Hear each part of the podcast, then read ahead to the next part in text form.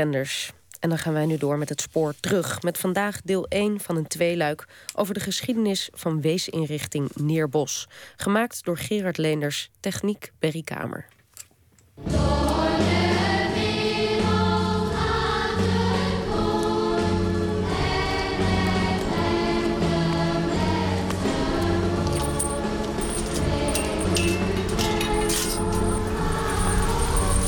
Hoeveel graven liggen hier? Nou, er liggen hier, uh, ja, je zou het niet zeggen, maar hier zijn uh, een vele honderden weeskinderen liggen hier begraven. Maar je ziet nog maar een paar grafstenen. En we lopen nu naar een graf. Ja, dit is een uh, grafkelder. Een van de weinige grafkelders die hier liggen. De meeste zijn aardgraven, zoals dat dan heet. En dit is het graf van, het staat erop, Johannes van het Lindenhout. Geboren 4 september 1836, overleden 22 januari 1918. En Johannes van het Lindenhout is uh, de stichter van de weesinrichting... waar hier uh, de begraafplaats van is. Historicus Joost Roosendaal van de Radboud Universiteit Nijmegen. Vlakbij een vierbaansweg in Nijmegen-West ligt, goed verscholen... het graf van evangelist Johannes van het Lindenhout. Oprichter van de protestants-christelijke weesinrichting Neerbos. Als evangelisator was hij eh, door heel Nederland getrokken... en was, kwam hij op het platteland bij veel boeren langs. En daar zag hij allemaal kinderen die zonder vader of moeder waren... en die daar uitgebuit werden. Althans, hij vond dat ze misbruikt werden en dat ze daar hard moesten werken. En hij zei, dat is niet zoals we met kinderen moeten omgaan. Hij besloot daarom om zorg te gaan dragen voor de weeskinderen. Naast het geloof moest ook uh, opgekomen worden voor de sociaal zwakkeren. Um, hij woonde in Nijmegen, kreeg daar in de benedenstad een grote woning uh, ter zijn beschikking, oude herberg. En in dat huis in november 1863 is het zo dat hij daar de eerste weeskinderen gaat omvangen. En, de jaren daarna uh, groeit dat aantal met tientallen.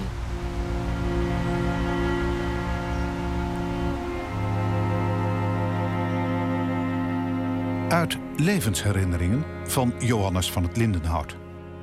In het begin van het jaar 1866 was de woning waar wij onze arbeid onder en voor de wezen aanvingen overvol.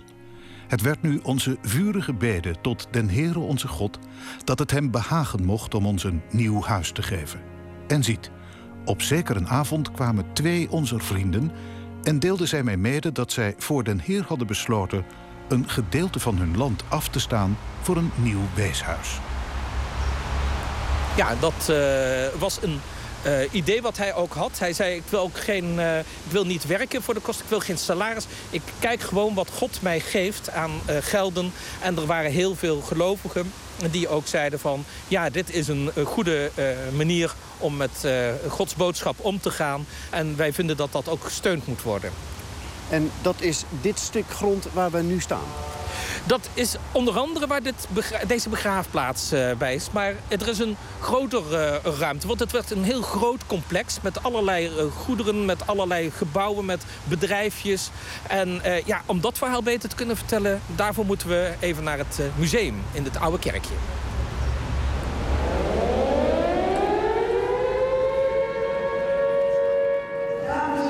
Welkom in het Lindenhout Museum. In het museum is boven een expositie. De expositie heet Kinderen, Oorlog en Bevrijders. Mensen die het uh, interessant vinden, die kunnen een ritje meemaken in een militair voertuig. Een, uh, een rondje op het terrein van de Bos uh, maakt er gebruik van. Dus ik wens jullie allemaal een hele geslaagde dag vandaag. Welkom in het Van Museum.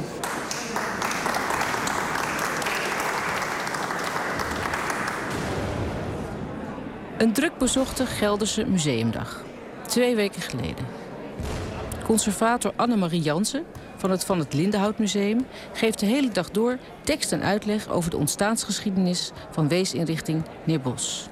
Als eerste kwamen de meisjes naar Neerbos toe. De jongens bleven nog in het pand in de Lange Brouwerstraat. En van Lieverlee werd er uitgebreid op Neerbos. Er kwamen gebouwen bij waar ook de jongens moesten komen wonen. Er kwam een ziekenhuis, kwam er, een kinderziekenhuis. Er was een uh, gedeelte, is de, is de werkplaatsen, de laan der werkplaatsen. Daar leerden de jongens hun vak. In 1882 is er een kerk gebouwd, want wat is een dorp zonder een kerk? Dus dat moest ook komen. Het was eigenlijk een compleet zelfvoorzienend dorp. En bij een zelfvoorzienend dorp hoort natuurlijk ook ook een boerderij, een tuinderij. Alle dingen die daarvoor zorgen dat het uh, zichzelf staande kan houden. Het, het, groeide, er kwamen steeds meer kinderen naar Neerbos. Want Liddenhout schreef alle arme diaconieën van Nederland aan. Dus het groeide eigenlijk explosief. Hoe, hoeveel kinderen waren hier? In topdagen zaten hier 1100 weeskinderen. Dus dat... En wanneer was dat? Dat was rond 1893. Talloze giften en legaten ondersteunen het werk van Johannes van het Lindenhout. Op het afgelegen terrein verrijst het grootste wezeninstituut van Nederland. We komen nou het domein der domeinen binnen. Fantastische archiefverzameling die hier is. Een grote wand vol met dozen met het archief van uh, de weesinrichting Neerbos. Het succesverhaal van Neerbos krijgt in 1893 een klap te verwerken. In juni verschijnt de brochure De Weesvader van het Lindenhout ontmaskerd. Geschreven door G. van Det. Uit Rotterdams Nieuwsblad, 18 juni 1893. Waarom, vraagt de schrijver, liegt van het Lindenhout? Waarom vraagt hij altijd geld? Waarom vernemen wij niets van het sterven van een der wezen, van slechte voeding, onzindelijkheid, zware mishandelingen? Waarom, lezer? Omdat van het Lindenhout een doortrapte leugenaar, dief en huigelaar is, die alleen zichzelf zoekt. Joost Roosendaal, we hebben net een citaat gehoord met beschuldigingen. Kan jij uitleggen wat er nou precies aan de hand was? Uh, ja, in 1893 is er een, uh, een grote affaire geweest. Landelijk uh, nieuws. pagina's vol in alle kranten. Voorpagina nieuws. Een wekenlang, maandenlang werd er over bericht... van de misstanden die er zouden zijn in de weesinrichting van Johannes van het Lindenhout. Uh, van het Lindenhout zou zichzelf verrijken. Uh, de pedagogische zorg die uh, was, uh, liet de mensen over. De hygiëne die deugde niet. Mishandelingen vonden er plaats. Er zou zelfs seksueel misbruik zijn. Tot in detail werd beschreven hoe uh, kinderen naakt voor, de voor Johannes van het Lindenhout moesten dansen. En mevrouw van het Lindenhout zou nogal bruut zijn opgetreden. Er wordt met touwen geslagen. ja, van Lindenhout die voelde zich steeds vaker in, eh, in het nauw gedreven. En hij zei van hier moet ik een weerwoord op eh, eh, geven. Er komt een onderzoekscommissie waar alle partijen en richtingen in vertegenwoordigd zijn.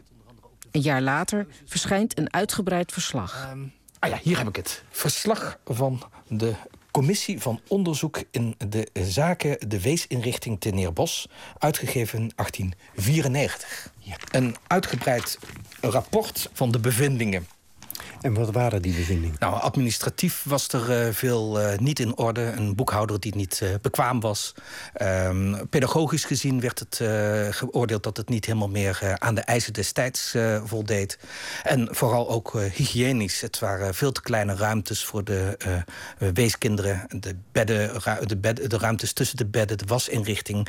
Dat was allemaal veel te gebrekkig. En daar moest echt iets aan verbeteren. Belangrijkste conclusie, de weesinrichting moest niet verder groeien... maar moest zorgen dat de kwaliteit, ook in de pedagogische zorg... dat die verbeterd zou worden. Behoorlijke kritiek. Ja, maar in de publieke opinie was wel een, uh, toch in zekere zin... een zuivering van uh, de naam en faam van, van het Lindenhout.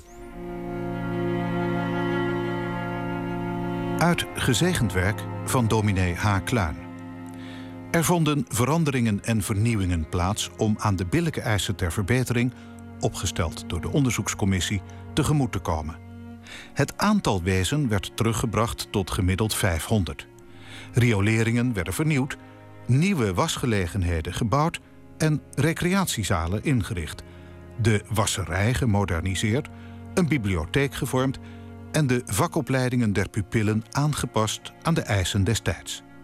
Het vertrouwen in Neerbos, dat hier en daar geschokt was, is volledig hersteld.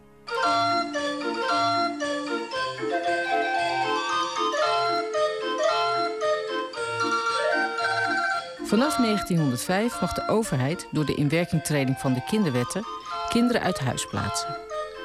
Op het vrijwel van de buitenwereld afgesloten Neerbos worden naast weeskinderen nu ook voogdijkinderen geplaatst. Het was dus praktisch elke dag stampot. Ko van S is nog maar acht maanden oud als hij in 1908 samen met zijn broer en zus als een van de eerste voogdijkinderen op Neerbos wordt geplaatst. Voor de NCRV-radio vertelt hij in 1988 over zijn goede herinnering aan het kerstfeest. Niet alleen omdat het twee dagen was, maar ook omdat je dan samenkwam in de kapel. Dat begon dus morgens met opstaan al. Dan kreeg je, in plaats van dat je klompen aan moest trekken... kreeg je je plankje waar de veters omgebonden zaten. En op dat plankje stond natuurlijk je naam, Kootje van S. En die veters kreeg Kootje van S. En dan, kreeg hij, dan kon hij zijn schoenen aantrekken met veters. En dat was eigenlijk al iets feestelijks. Dat je schoenen aan je voeten kreeg. Omdat je door de weeks op klompen liep. En uh, als er sneeuw lag, dan was het op, zijn jongens, glimmen op de heuvel. En die heuvel was de opgang naar de kapel. Je kreeg dus een uh, kerstmaaltijd. Dat kan je eigenlijk noemen dat je altijd spersiebonen kreeg. Spersiebonen met uh, aardappelen, wel stampot en een stukje grove worst erbij. Nou, dat was gewoon feest. Uh, je had uh, verschillende paviljoens voor de kinderen hier op, uh, op Neerbos. De allerkleinste gingen eerst naar het moederhuis. Dus, dat zou je eigenlijk meer moeten zien als een soort crash, een opvang voor de allerkleinste. Daar zaten jongens en meisjes nog bij elkaar. Dan gingen, gingen, werden jongens en meisjes gescheiden. Die kwamen in, in de jongens-elem, die had meisjes-elem. En als ze groter werden, gingen ze naar de grote jongens- en meisjespaviljoens toe. Boerman. Ik ben ge geboren 6 maart 1923... En ben in februari 1929 ben ik op de weesrichting Neerbos terechtgekomen. Om wat voor redenen, dat weet ik niet. Michiel Boerman uit Rotterdam komt op de jongensafdeling Elim terecht. Elim betekent letterlijk oase. Groepsleiders moeten de jongens pedagogisch begeleiden... maar van opgeleid personeel is geen sprake. Het hoofd die was getrouwd en de anderen waren single. En dat was dan verdeeld. En dat, de oud, die, die, die dan de getrouwde, dat was de broeder. Broeder Verbeek. En die was berucht om zijn knuppeltje. Want die, de, wij sliepen op slaapzalen. Maar je had in die ene zaal had je drie rijen met, met bedden. En één rij was de, noemden wij de pisrij. Dat waren de jongens die, laten we zeggen, in bed plasten. Die, en dat was een ziekte.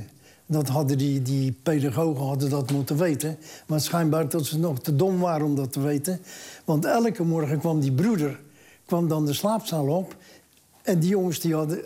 Elke dag kon je rustig rekenen. Elke morgen waren ze drijfnat van de, van de plas. En die kregen dan op, op de kont met dat knuppeltje.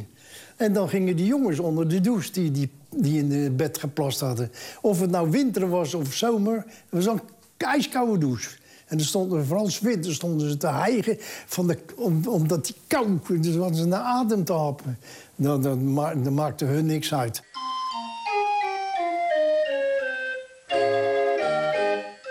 In 1935, ze is dan tien jaar, komt Hillegien van der Graaf uit Emmen... samen met haar twee broers Ale en Willem onder voogdij te staan... en moet naar Neerbos. We waren recht gescheiden. We zijn bij elkaar geweest. Wel uh, overdag wel, maar gewoon natuurlijk niet aan tafel ook niet. Elke twee jaar ging je naar een andere groep. Dus mijn beide broers werden nog gescheiden. Want mijn oudste broer die zat, die kwam bij de werkjongens terecht. En mijn jongste broertje ging nog op school. En ik kwam ook bij leeftijdgenoten. Van 8 tot 12 zo'n beetje. Maar een groep van 70 kinderen hoor, in één gebouw.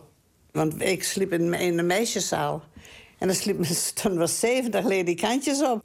En slapen moesten allemaal op, de rechter, op je rechterzij. Dan kon je niet met elkaar kletsen, hè? Want dat was verboden. Nou, om acht uur lagen we allemaal plat. Ja.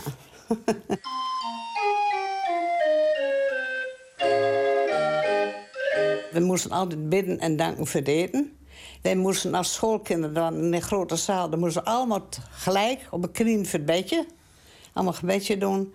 Meestal ik ben slapen en ik ben moe. Toen waren we nog kinderen, zo doen we je oogjes toe. En later gooi je voor jezelf bidden.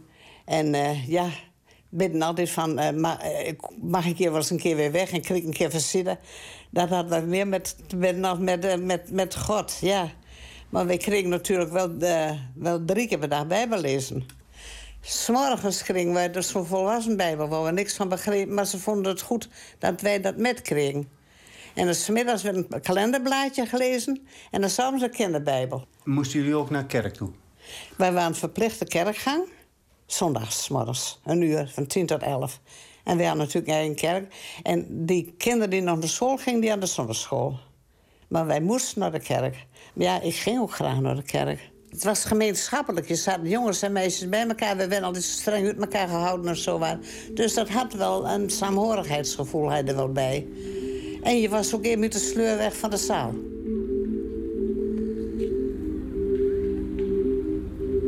Grietje van der Woude is vijf jaar als ze in 1937 op Neerbos komt.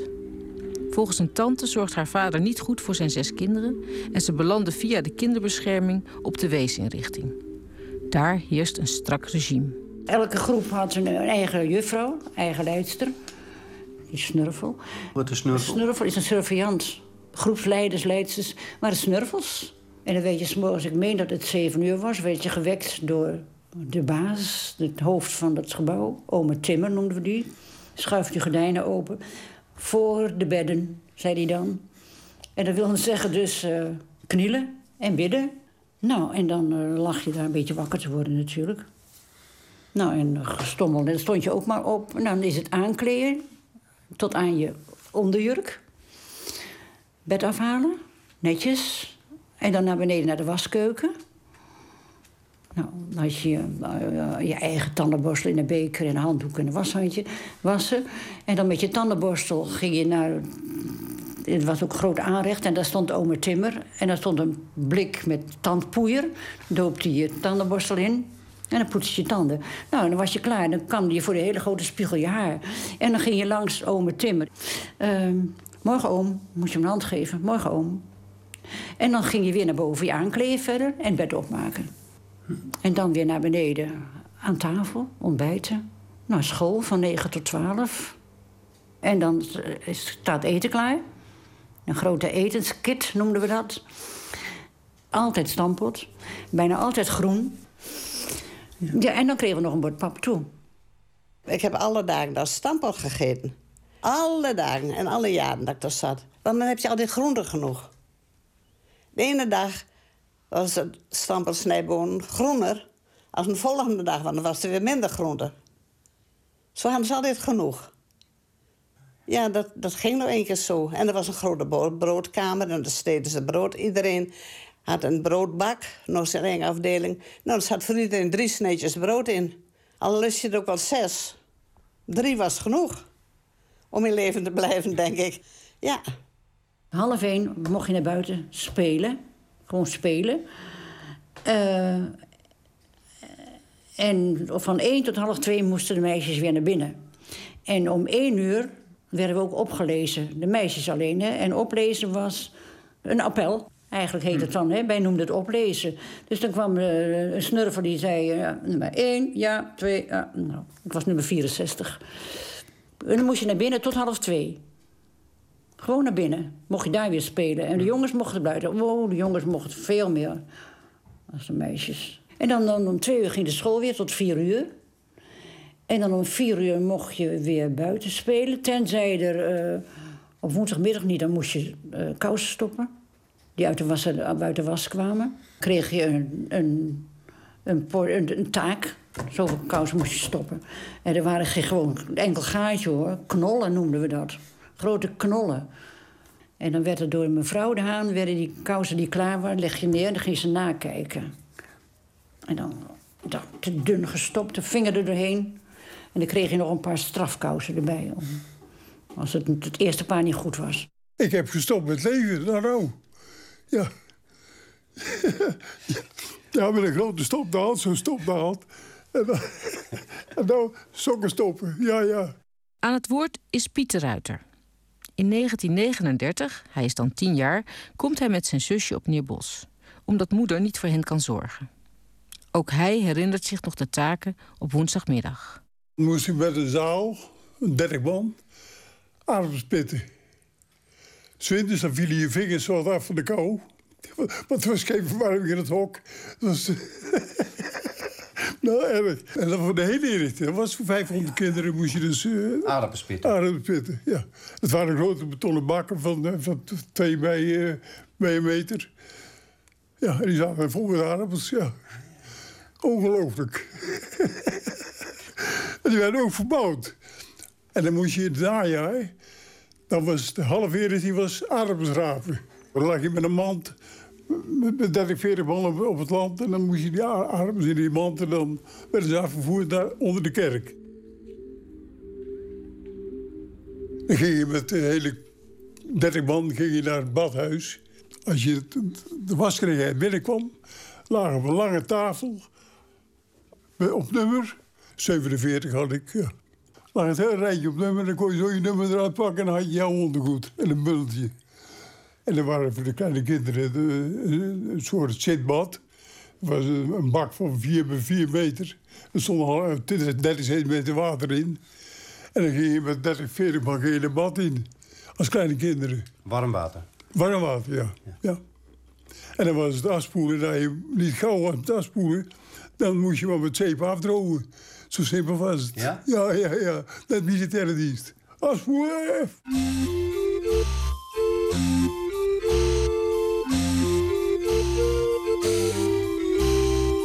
Christelijke uitgangspunten blijven ook in de jaren 30 pijlers in de opvoeding.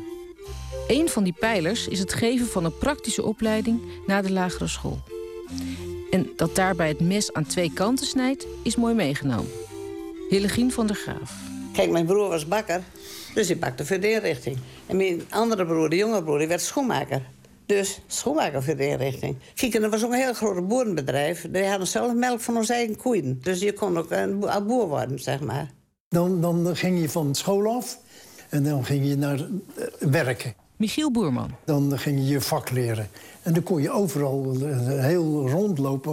En dan kon je zelf het vak uit, uitkiezen. Er, waren, oh, er was van alles. De typograaf had je, bezetters, binders en drukkers. Je had de schoenmakerij, de koperslagerij, de smederij... de timmerwerkplaatsen, je had de schilders, je had de bakkers... Je had de meubelmakers, je had de kleermakers, je had de boer, je had de tuiner en de bloemisterij. Dus, uh, dus een uh, ruime keuze. Nou, ik ben dan meubelmaker. Voor meubelmaker heb ik gekozen. Want ik wou bakken worden, maar dat mocht ik niet. Dus ik heb meubelmaker gekozen. En als je uh, van school af was en je vak ging leren... dan kreeg je in de 14 dagen 80 centen zakgeld. En daar moest je alles van doen. De meisjes worden in bijna alle gevallen opgeleid tot hulp in de huishouding. In elk gebouw werd, moet schoongemaakt worden. Dus dan werd je werkmeisje en dan ging je in, in een van die gebouwen werken. En het laatste jaar, dat heette dan een, uh, voor je opleiding... dan ging je een half jaar naar de centrale keuken... en een half jaar in de wasserij. Kijk, in de centrale keuken, je leerde niet echt koken... want ik heb elke dag stampot gegeten. Maar je leerde wel groenten, want wij konden geen kool van wat anders onderscheiden en zo. Als je dat nooit gezien hebt, dan weet je dat niet. En de wasserij, daar moet je natuurlijk ook heen, want je moet wel je wasbehandeling kennen. Dus dat was het laatste jaar, dat noemen we een opleidingsjaar. Allemaal op het eigen terrein. Je kreeg wel een goede opleiding als huishoudelijke hulp. Want iedereen ging weg als huishoudelijke hulp, meisje van dag en nacht.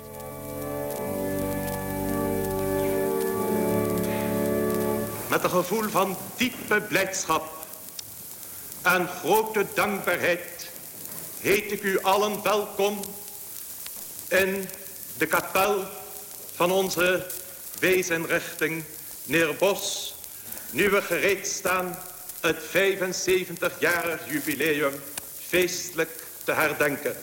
We zijn ervan overtuigd dat ook het christelijk filantropisch werk dat hier in ons Wezendorp wordt verricht, uw oprechte sympathie mag genieten. En we gaan voort in de geloofskracht en het geloofsvertrouwen van den grote godsman Nehemia. God van den hemel, die zal het ons doen gelukken. En wij zijn de knechten, zullen ons opmaken en bouwen. Ik heb gezegd. Al dus de bestuursvoorzitter van Neerbos bij de viering van het 75-jarig bestaan van de weesinrichting in 1938. Wat tijdens de viering niet wordt gezegd, is dat nieuwe pedagogische inzichten op Neerbos slechts mondjesmaat zijn ingevoerd. orde, tucht en strengheid zijn aan de orde van de dag. Vaak gepaard met treiterijen of met lijfelijke straffen. Grietje van der Woude herinnert zich het hoofd van de meisjesafdeling. Die had een, een, een, het was meer een groot balkon. En daar had hij konijnen. Dus hij had zo'n hele zo'n lat waar hij mee kon slijpen als hij spul moest steken voor de konijnen. En dan moesten die meiden naar boven naar de slaapzaal en moesten op bed gaan liggen. En dan deed hij die rok omhoog en dan trok hij die broek zo in die bilnaad en dan sloeg hij met die lat. Maar achteraf denk je, dat is viezigheid van die man. Zwaanders, dat was zon, waar de zonnesgenade was geschild. En dan had je kapsijnes of soep of waar geen bij waren. Want dan kreeg je een bord kapsijnes met een beetje vocht erop. En dat was het dan. En dan kreeg je toe rijst. Maar een hoop kinderen lusten die kapsijnes niet. En dan werd de rijst met de kapsijnes gegeven. En dan kon je voor je bed gaan staan, voor straf. En dan, tot, je, tot je bord leeg was. Dan stond je dan tot tien uur voor je bed. Op je blote voeten in de zeil, met het raam open. Dat was echt niet lekker, nee. En dat is dan tot je, top had. Ja, ja, ja, ja. Het was orde en tucht, hè? En er was een predikant-directeur. En die, als, als wij niet, niet uh, ons best deden of wij hadden een grote mond gehad, dan moesten we daar naartoe. Nou. En dan moesten we opwichten en dan uh, kregen we straf of waarschuwing. Ja. Iemand die echt niet, niet, uh, niet wilde zoals zij wilden, dat was ook een cel. Ja, kwam je week op een cel. Met een heleboel die, die gingen wel eens een keer weglopen, een boodschap in de stad doen in Nijmegen of zo. Nou, en als je daarop trapeerde dat je weggelopen was... ja, dan kwam je een paar dagen zelf, soms een week. Ik vond het te, te zwaar, laat me zeggen, om, om als mens te leven daar. Je was, je was eigenlijk eh, als jongen uitgeschakeld. Als je iets uit had gehaald... of dat je de schuld ergens kreeg terwijl je het niet gedaan had... je kon nooit geen beroep doen. Je was... Die, die, die pedagoog of die snurvel, laat me zeggen... als die zei, je hebt dit en dat gedaan, dan was het zo. Of het nou niet zo was of wel zo was, dat, kwam, was niet de zaken. Jij was schuldig. En, maar je kon je eigen nergens op beroepen. En dan had je, de, als je dan groter werd, straffen... Nou, je, je wilt het niet weten, maar een eentje in de baaiers had beter... als jij een jongen van 16 jaar of 15, 16 jaar. Want dan ging je de cel in.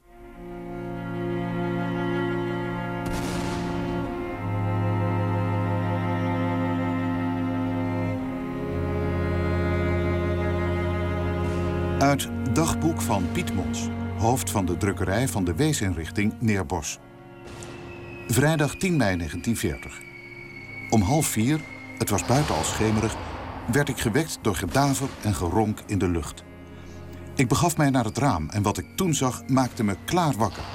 De lucht was vol vliegtuig. Plots daverde er een geweldige knal. De bruggen over het Maas-Waalkanaal, waar we tien minuten achter wonen, zijn gesprongen. Toen kregen wij de boodschap dat we moesten evacueren naar Ewijk. De meisjes naar een katholieke school en de jongens naar een klooster. Want ik herinner me nog dat het een eind lopen was. kwamen we op een plek en er was een school en daar stonden allemaal bankjes buiten. Want wij moesten daar binnen dus uh, logeren, zeg maar slapen op de grond.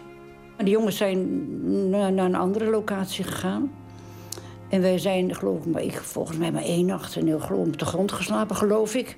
En toen gingen we weer terug zaterdag 11 mei. Het oorlogsgeweld was over en langs ons heen gegaan. Geleidelijk hebben we de terugtocht ondernomen. We vonden Neerpost terug in dezelfde staat waarin we het verlaten hadden. Uitgezonderd de gebroken ruiten. Uit de verte dreunt kanongebulder.